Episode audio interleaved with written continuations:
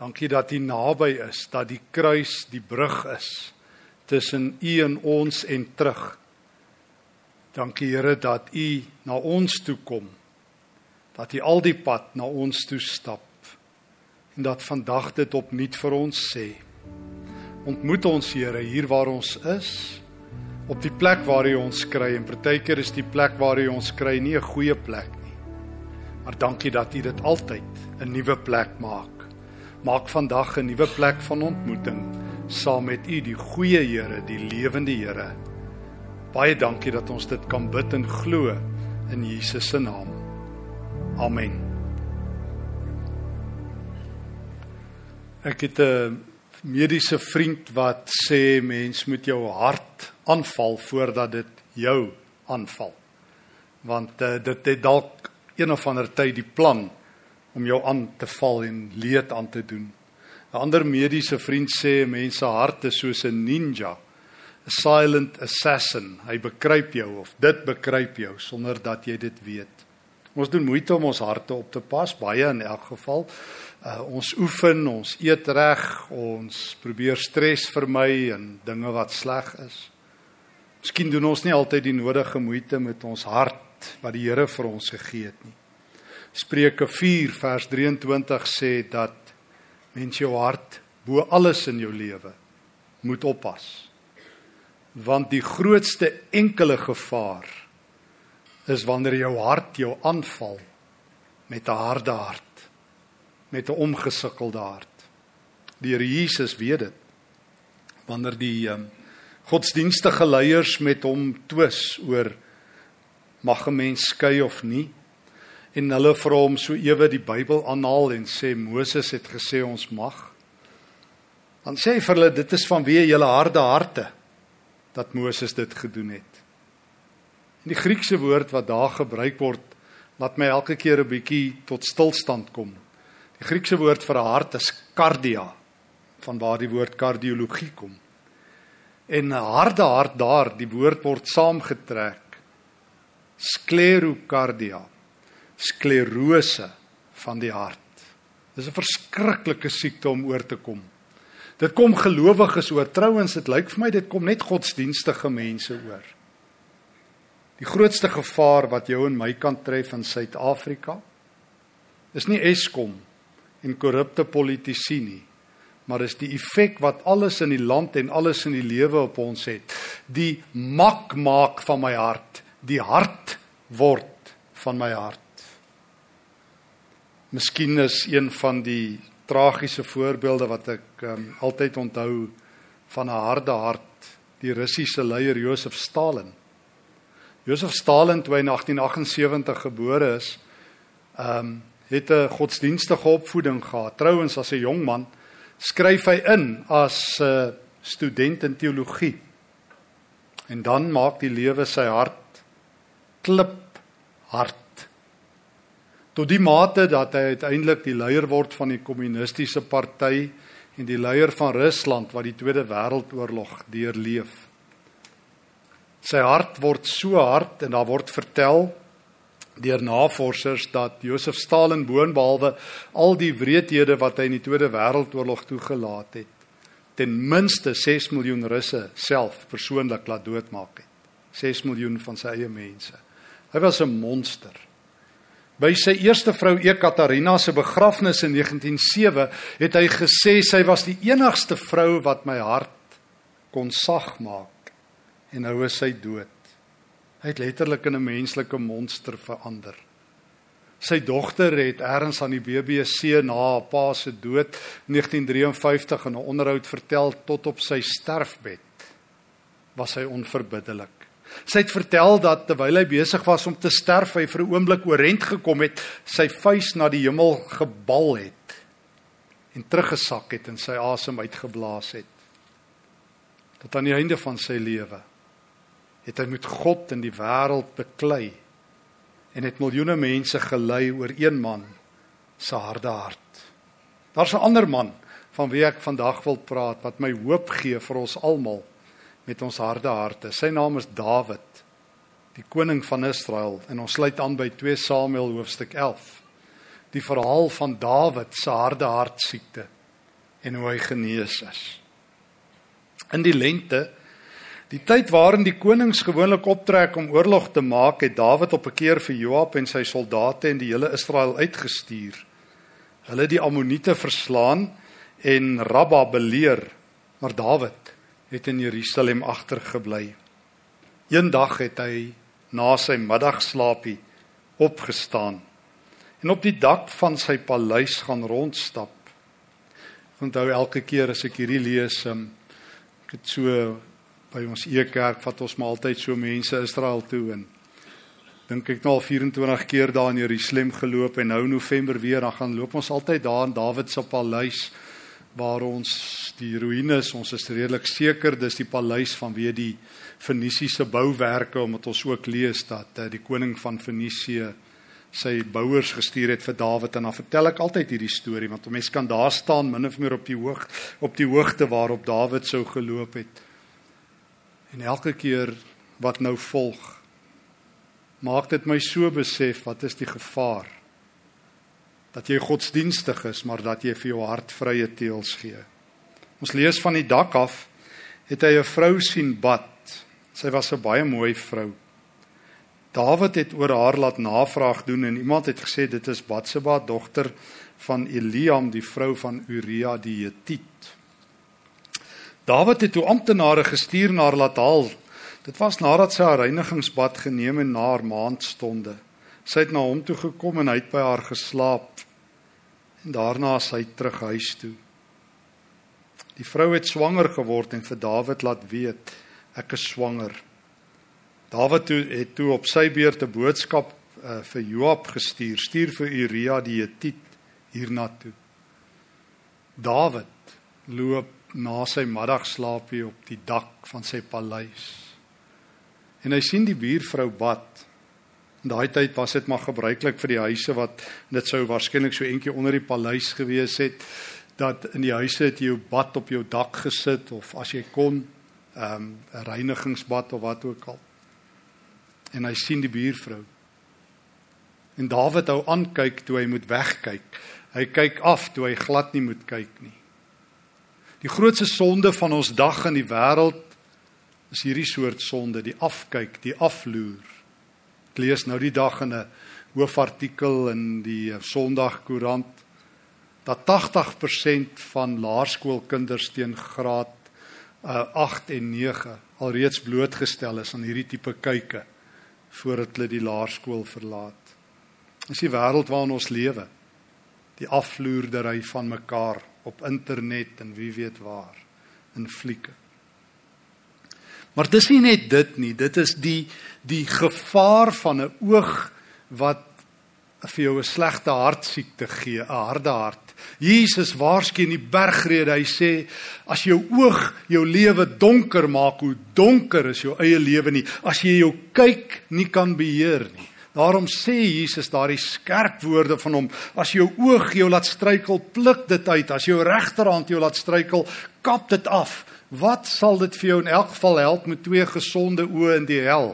Wat sal twee gesonde hande jou in elk geval in die hel help? Want dis waartoe jy op pad is wanneer jy jou kyk nie kan beheer nie.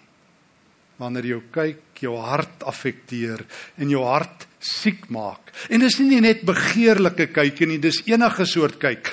Dis die afgunstige kyk, jaloesie. Dit is die vuil kyk waar jy mense afgradeer tot objekte. Dis die wrede kyk waar jy na die televisie kyk en na Suid-Afrika kyk en na mense kyk en haat is jou enigste reaksie. En is wanneer jy hierdie kyke koester en troetel en kos gee en voer dat jou lewe kort voor lank donker is. En die dilemma is dit vat partykeer nie lank nie. Ek weet een ding van sonde. Sonde kom nie soos 'n 10 ton lorry in 'n ou se lewe ingery nie. Ek het dit al so elke keer vertel as ek na hierdie teks kyk, dan dink ek daarin maar onthou toe ek so jong ouetjie was, toe sit 'n dominee by my eendag en hy vertel vir my hy het ook in 'n soort gelyke sonde as Dawid beland. En hy sê vir my hy weet nie hoe dit gebeur het nie. Hy was nog eendag lief vir sy vrou en die volgende dag vir 'n ander vrou. En ek het hom so gesit en kyk en sê dominee, jy's baie ouer as ek, maar jy en ek weet jy praat nonsens. Jy het 'n deur in jou hart oopgemaak. Jy het 'n harde hart gekry. Want ek weet een ding van sonde. En ek weet een ding van toetse. Jakobus leer dit vir my Jakobus 1 dat dat versoeking kom so bietjie bietjie. Dan maak jy jou deur oop en dan dan hardloop jy soos wat 'n kind agter 'n skoenlapper aan hardloop, al dieper en dieper en dieper. Eerste keer is dit bitter moeilik en daarna is dit maklik en die derde keer sê almal in Suid-Afrika doen dit en die vierde keer doen jy dit spontaan. Soos 'n familielid my vertel het wat 'n alkolikus geword het. Jy weet ek het die eerste soopie gevat vir my hart want die dokter het sê dis goed vir my hart. En die tweede een was nog beter vir my hart en teen die 15 kon ek nie onthou van my hart nie. En toe het ek dit my elke aand vir my hart gevat en dit het baie smart gebring. Ek onthou van 'n ou wat my nou eendag vertel het wat sy huwelik verloor het op grond van sulke kykke soos Dawid. Wat dit aan 'n mens doen. En die punt is jy het 'n keuse. Die Here gee vir jou waaragtig altyd 'n keuse. Jy kan nie sê ek is 'n slagoffer nie. Paulus sê in 1 Korintiërs 10, geen versoeking Geen versoeking gryp ons aan waarvoor die Here nie 'n uitkoms gee nie. Martin Luther het gesê, jy kan nie keer dat 'n mossie oor jou kop vlieg nie, maar jy kan waaragtig keer dat die ding in jou hare nes maak. Dis jou keuse. Of die mossie gaan nes maak in jou hare. Die Here gee altyd 'n uitkoms en ek weet nog 'n ding van versoekings, want ek sien dit daar in ons tuin. En ek sien dit nou sit so baie reën. Wanneer jy water gooi, ehm um, of ehm um, gif gooi werk albei. Die bossies groei laat dit klap. Hoe meer water jy dit gee, hoe vinniger groei dit. Gee dit vir dit gif, dan sterf dit onmiddellik. So jy kan altyd een van twee dinge op 'n versoeking gooi, water en gif, albei werk. Albei. Dawid moes weggekyk het. Toe kyk hy en verder. Toe hou hy aan. Noodlottig amper. Stalin toe hy teologie geswat het en gesien het hoe skeef is die wêreld, moes hy sy oog op God gehou het. Soos God vir jou sê jy moet doen. Paulus sê dit, hy sê rig jou oog, jou gedagtes op Christus. Hy sê dit in Kolossense 3 vers 2. Dit sal jou siel red, dit sal jou lewe red. En Dawid het aanhou kyk. En toe val hy diep in die gemorsing. Toe laat hy Batsheba kom. Toe verwek hulle saam 'n kind. Toe is die gemors op Dawid. Toe laat hy haar man kom want want dis die dilemma met sonde. As jy dit nie in die oog kyk en dit stop nie, trek dit jou al dieper en dieper en dieper. Soos Maxwell gesê het, jy val agteroor. En hoe meer jy agteroor val, hoe minder beheer het jy. Jy val net dieper en dieper. Jy vryval. Niks keer jou val nie. En toe word Dawid 'n moordenaar. Ek lees in um, dat hy Uria, Batseba se man laat kom. Hy daai en wyn hom, maar die man wil nie. Hy weet daar's fout. Hy weet sy vrou. Hy weet en almal praat die storie loop. Jy kan nie psalms skryf uh op die Sabbat en dans in die tempel en al jou mense weet wat het jy gedoen nie. Die storie loop in Jerusalem. Maar soos dit gaan met korrupte politici in ons land, maak jy jou mond oop as jou kop af en as jy dood. So almal bly stil en Uria weier en dan sê Dawid uiteindelik lees ek stuur hy vir Joab 11 vers 14 'n boodskap. As as Uria terug gaan oorlog, toe sit hom heel voor en laat die troepe terugtrek, laat hy sterf. Kan jy dit glo? Dis nie Stalin hierdie nie, dis die man van wie ons Psalm 23 lees wat dit gedoen het. Kan nie glo, jolly goeie mense sit in 'n kerk. En op 'n dag gaan doen hulle dinge dan sê jy vir jouself dis nie moontlik nie. Wat die Here se woord hoor, maar die hart nie oppas nie. En daarom kom die Here volgens na jou en na my toe en sê ek wil nou vandag met jou oor jou hart praat, jy het 'n hartsiekte. As jy jou harde hart nie stop nie en jou kykke nie verander nie en jou kop nie verander nie, gaan jy vir jouself doodkyk. Gaan jy jou lewe vernietig. Dis vandag tyd dat die Here sê ek soek ek soek 'n ander roete. En so gaan die storie aan totdat God ingryp. 2 Samuel 12 gryp God in. Want God kan nie dit vat dat sy kinders se kyk hulle lewe vernietig nie. En Dawid se hande is vol bloed en dit doen God geen eer aan dat sy kind, sy koning so lewe nie. Dan stuur hy vir Nathan 2 Samuel 12 na Dawid toe. En Nathan waag sy lewe. In daai tyd vandag nog, as jy dit waag om die manne wat die mag het aan te spreek, is jou kop af. Nathan vertel vir die koning 'n storie. Jy kan die storie gaan lees van van 'n ryk man en 'n arm man. Die ryk man het 'n hele plaas vol diere en die arm man het 'n ou lammeroetjie. En dan kom daar van die ryk man se vriende kuier en dan gaan haal hy die arm man se lammerooi en slag dit vir sy vriende. En dan hoor ek vers 5.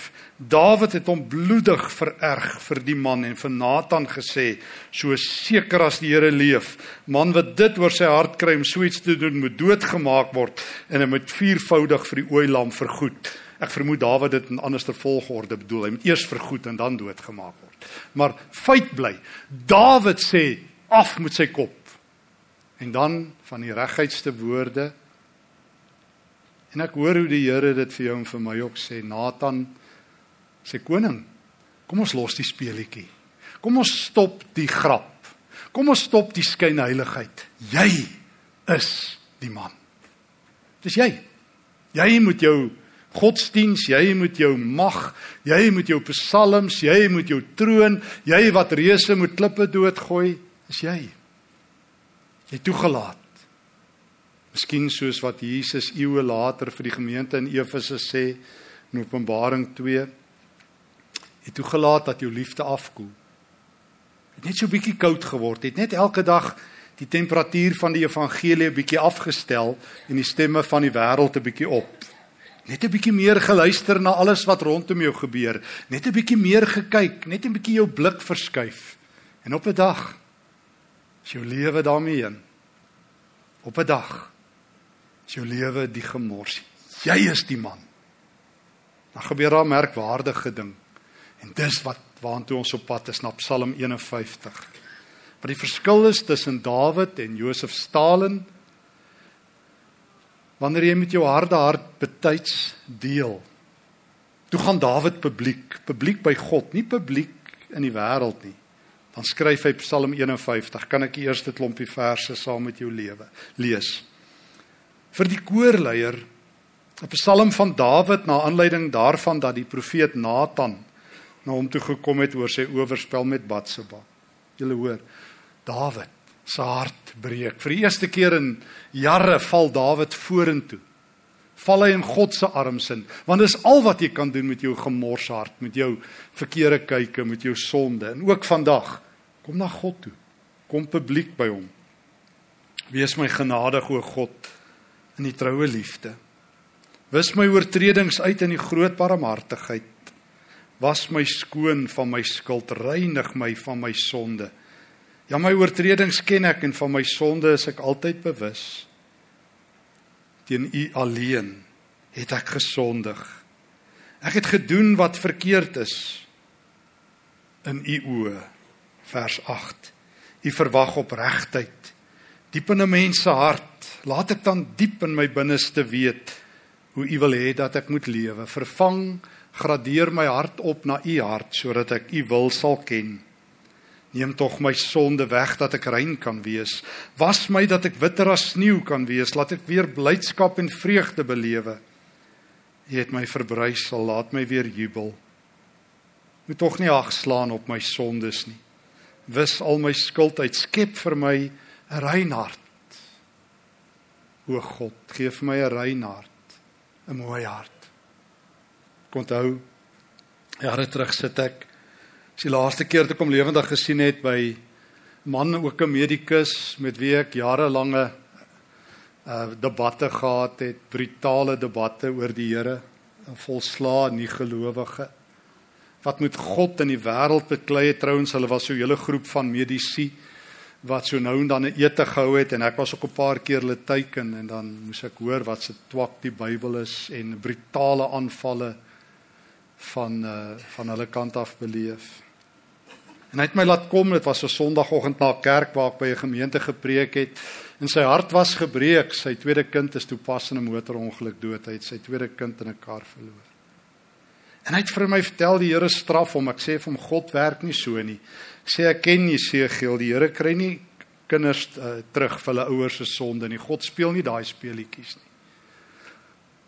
Maar hy het vir my daai dag vertel dat hy 'n harde hart het. dat hy sy hele lewe met God beklei omdat hy 'n gelofte nie nagekom het aan die Here nie.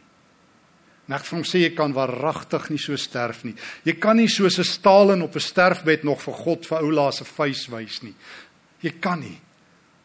Skep vir jou 'n rein hart. En ek onthou ons saam gebid het en hy sy lewe aan die Here toegewy het en dit was die laaste keer dat ek hom gesien het. En ek luister na Dawid, skep vir my 'n rein hart, Here, bou vir my 'n nuwe hart. Ek moet my goor kyke, my begeerlike kyke, my wellustige kyke, my jaloerse kyke, my haat. Here, Here, my lewe raak donker. Here, skep vir my 'n rein hart. Wis dit uit. Moet tog nie die Heilige Gees vir my af wegdryf. Vers 13 nie. Laat my weer die blydskap ervaar van iemand wat deur U verlos is. Laat my U weer met toewyding dien. O, en God is die hoorder van gebed. Dis hoekom ons hier is. Dis nagmaal. Want die Here verhoor ons gebede. Hy spesialiseer in hartsiektes. Hy wil ons harte hê voordat ons hart ons aanval. Ons hart mag ons miskien in die stilte bekruip, maar Jesus kom publiek vandag en sê, ek wil jou hart hê.